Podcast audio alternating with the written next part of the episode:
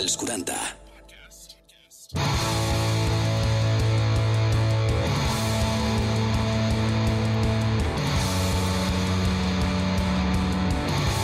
Energia sexual, un podcast dels 40.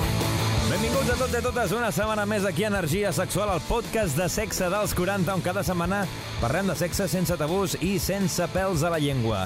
Jo sóc l'Uri Mora i també deixa'm donar les gràcies als nostres patrocinadors, els amics de Sexy Dream, sexydream.es, la teva botiga virtual, on pots aconseguir una pila de productes.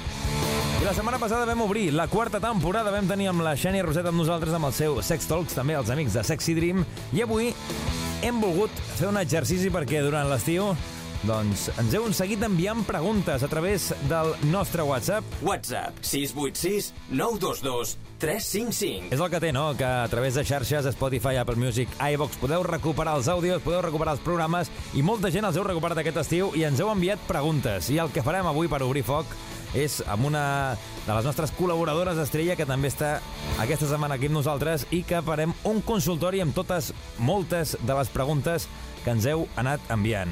Comencem. Energia sexual, avui, consultori. Segueix-nos a Instagram, arroba energia guió baix sexual. I com he dit, una de les nostres col·laboradores estrella, Marta Galobardes, com estàs? Hola, Uri! Què tal ha anat l'estiu? Això t'anava a preguntar això. Com ha anat? Com ha anat l'estiu? Bé, Bé? fantàstic. Sí? Sí, sí, sí. sí. Avui farem això, perquè, clar, durant aquests uh, mesos d'estiu nosaltres sí que hem aturat activitat, però, clar, molta gent pot recuperar els programes, com he dit, Spotify, Apple Music, iVox, i ens han seguit enviant preguntes a través del nostre WhatsApp. WhatsApp 686 922 355. I també a través del nostre Instagram, que és arroba energia guió sexual, que t'he de dir que m'ha sorprès molt que, malgrat que no hem tingut molta activitat durant l'estiu, que no han parat d'arribar seguidors, molta gent que ens escrivia i que ha anat fent-se més gran aquesta família, eh? Home, jo a tots els meus pacients els dic mira, mira, aquí teniu recursos, aquí teniu recursos. Eh, una cosa que cal dir és que moltes d'aquestes preguntes jo no te les he ensenyat abans, és a dir, anem una mica a veure què et sembla i a bote pronto, perquè potser algunes en diràs home, no és la meva especialitat, tampoc no sé què respondre, però si no, fem una mica de debat i que també la gent pugui preguntar el que vulgui. Això sí que ho diem ben clar, que la gent pot preguntar el que vulgui i que no es pensi, oh, aquesta pregunta potser és molt òbvia, molt tonta, no, no, pregunta-la i ja està. Clar que sí, no hi ha preguntes tontes. Surprise me. I a més ho farem de forma anònima, perquè sí que molta gent ens escrivia, la gran majoria que volia que fos de for forma anònima, tot i que era escrit i que era uh, per xarxes, que potser d'això, però sí que hem respectat això i per Sí. tant ho farem d'anònims. Ai, el dia que pugui ser sense ser anònims. Això mateix. Vinga, Marta, comencem amb les preguntes, com us he dit, que ens heu enviat a través del nostre WhatsApp WhatsApp 686 922 355. i que ens podeu seguir enviant, perquè la nostra idea és aquesta temporada, cada certs programes fer, dedicar un consultori a respondre a totes les preguntes que hem anat acumulant a les últimes setmanes. Marta, per, quan estàs en, per què quan estàs en parella sempre fas el mateix i mai innoves? Ai, la rutina... No sempre fas el mateix. Hi ha gent que innova, eh? Però, bueno, la rutina està ahí, ahí, a...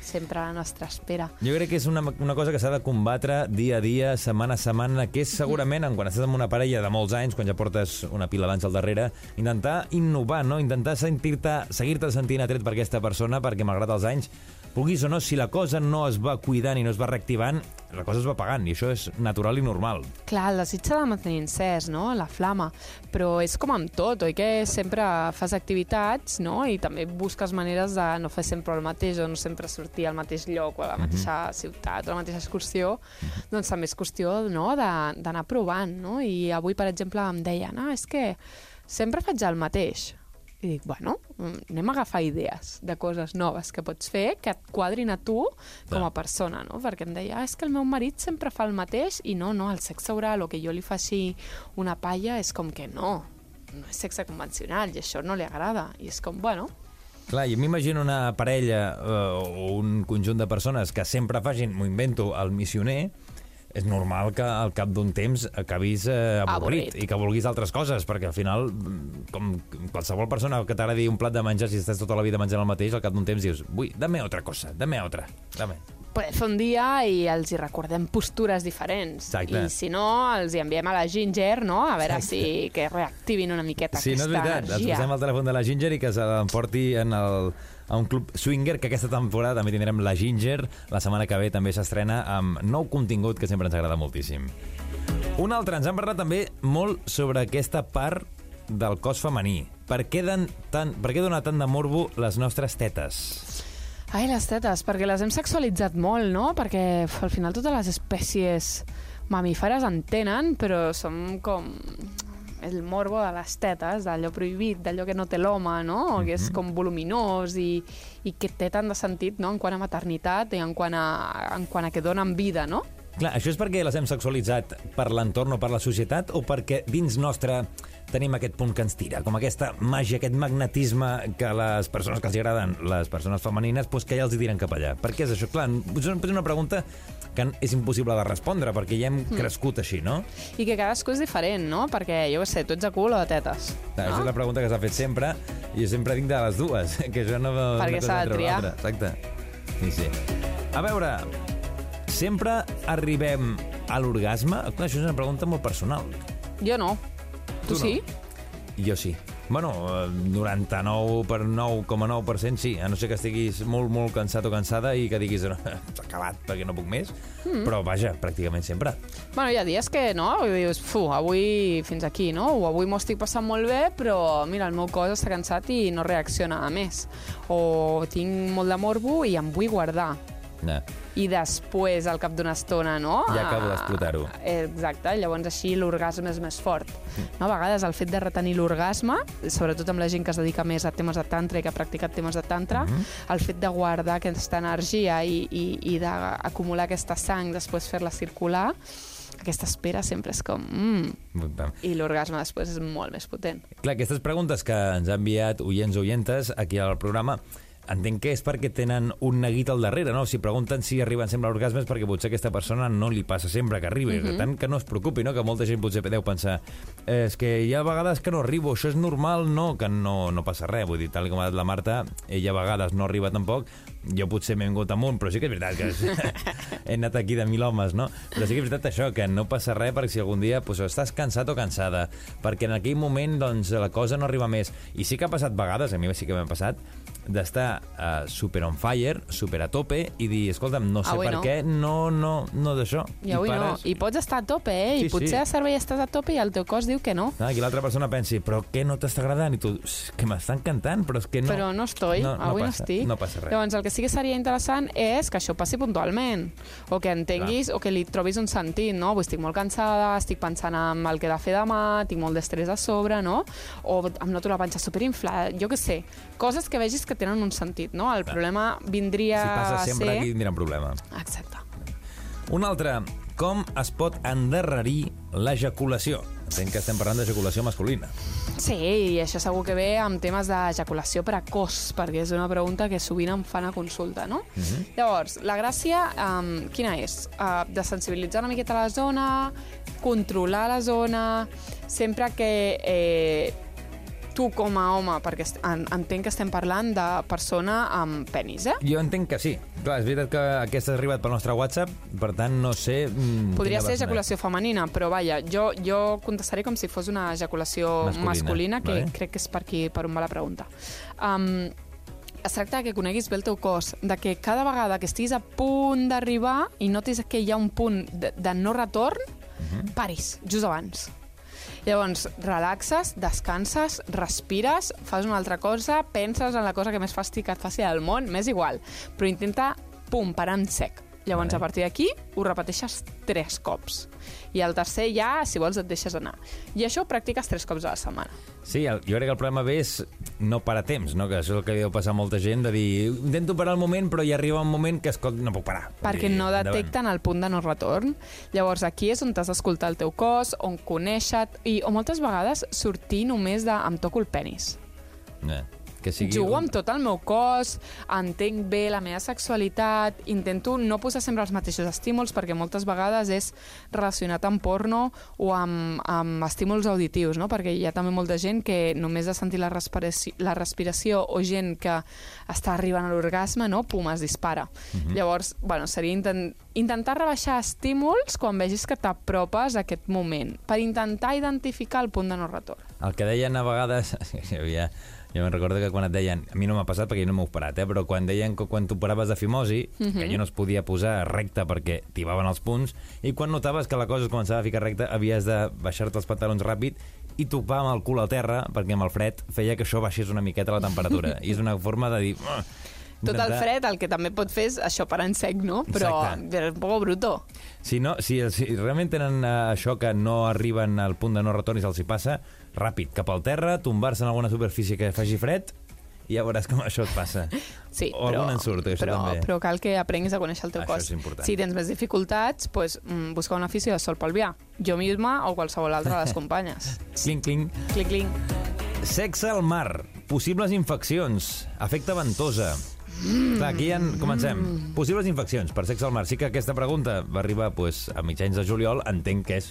Volia provar-ho en el mar. No sabia aquesta Sexe persona mar, que estaven de vacances. anal, vaginal. Mm. Clar, aquí no Llavors, posa. uh, la lubricació a nivell vaginal és aquosa. Llavors, quan estem a l'aigua, el problema és que està molt més sec. Mhm. Si volem tenir sexe dins de l'aigua, m'és igual si és una dutxa, si és una piscina o si és un, al mar, intentant treure sobre tot els conflictes que puguin haver morals o no morals a darrere, uh, et recomanaria que posis lubricant de silicona, que això els de Sexy Dream segur que et poden assumir una miqueta i assessorar. Clar, estic pensant, un lubricant potser eh, estàndard, eh, a l'aigua eh, es difumina, no? El, el de silicona base aguanta. aquosa i els de base aquosa s'absorbeixen i amb l'aigua marxen. Llavors, els que són de base silicona, com que l'aigua no els treu, et permet que el roce no molesti. Tant a nivell vaginal, que, que diguéssim la pròpia lubricació en marxa, com a nivell anal, que no n'hi ha. Vale, clar, sí, és veritat que jo quan ho he fet això en el mar, ja sigui una banyera o a la- a l'aigua, sí que he notat això, que la cosa no fluïa igual que una cosa... I, tu, i, i clar, en el cap és una cosa que no acabes d'entendre perquè penses, si estem a l'aigua, més el morbo, lubricat que tio. això, clar, més lubricat que això és impens... Vull dir, clar, estem amb líquid, no? Però sí que és veritat que hi ha aquest contrapunt, que és això que deies, que la part aquosa de la lubricació, de la vagina en aquest cas, pues, Mhm. acaba difuminat. Llavors és el morbo també d'estar de, d'estar fora en una superfície diferent al llit, no? d'estar en un medi diferent, que és aquós, que poder flotes, no? de que poder t'estan observant o de que poder, jo què sé, és a la nit o és privat o, o t'estan mirant, no?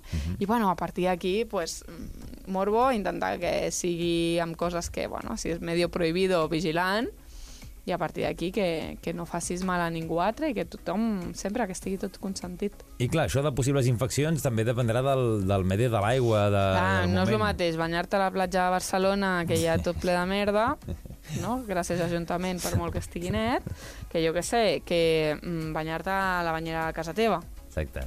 Que ja és el punt de que les infeccions poden arribar pues, ja sigui del, del lloc on estiguis, que això Ah. mai saps si en l'aigua que estàs doncs, han vertit productes Sí. químics o no. Això ja... Que podria ser pitjor, eh? que és més probable que et passin una ETS, segurament, Mhm. vale? una malaltia de transmissió sexual, que no que et passin una infecció de dins de l'aigua. Vaja, jo no n'he vist gaires.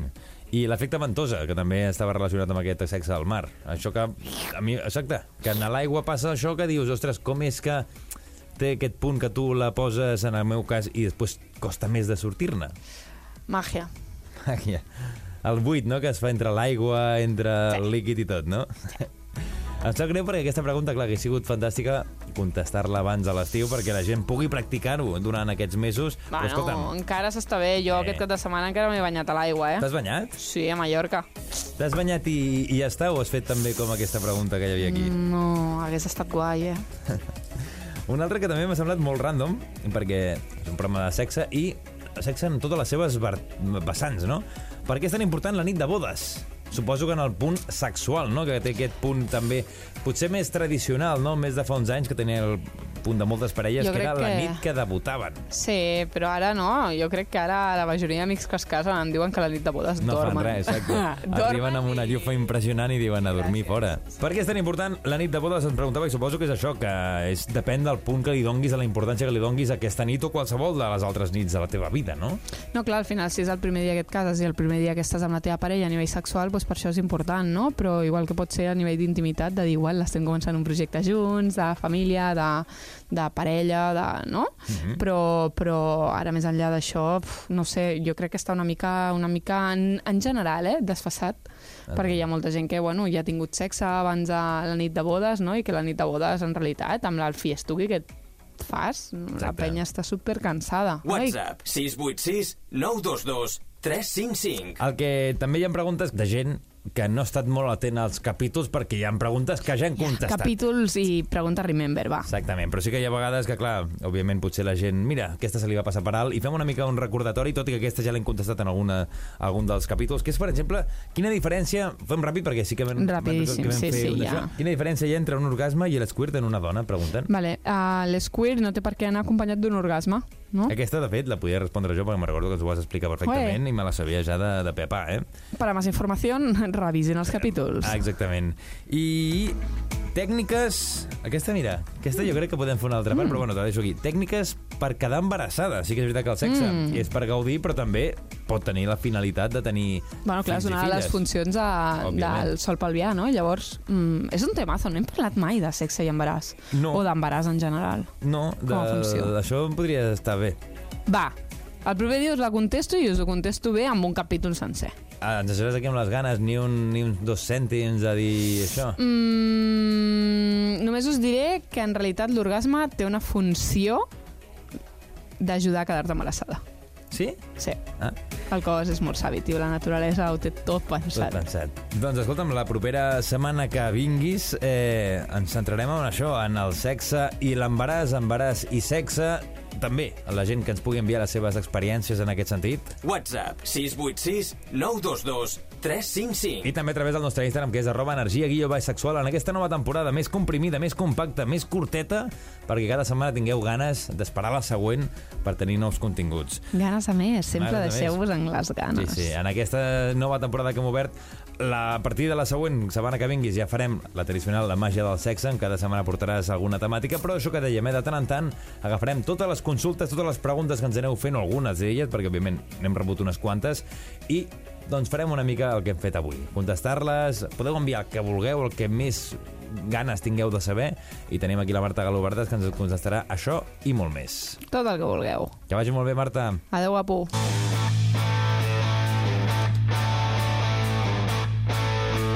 Segueix-nos a Instagram, arroba energia sexual. Doncs això és Energia Sexual, aquest podcast de sexe dels 40, on cada setmana parlem de sexe sense tabús i que, com t'he dit, ens pots trobar a Spotify, a Apple Music, a iVox, a través dels 40.cat i del nostre Instagram, que és arroba energia guió baix sexual. I qualsevol consulta que vulgueu i qualsevol opinió al nostre WhatsApp. WhatsApp 686 922 355. Jo sóc l'Uri Mora, fins la propera setmana i que tingueu, com sempre, una setmana plena d'orgasmes, que gaudiu molt del sexe, sense tabús i sense pèls a la llengua. Adéu-siau! Energia sexual. Subscriu't al nostre podcast i descobreix més programes i contingut exclusiu accedint als 40podcast a los40.com i als 40.cat i a l'app dels 40.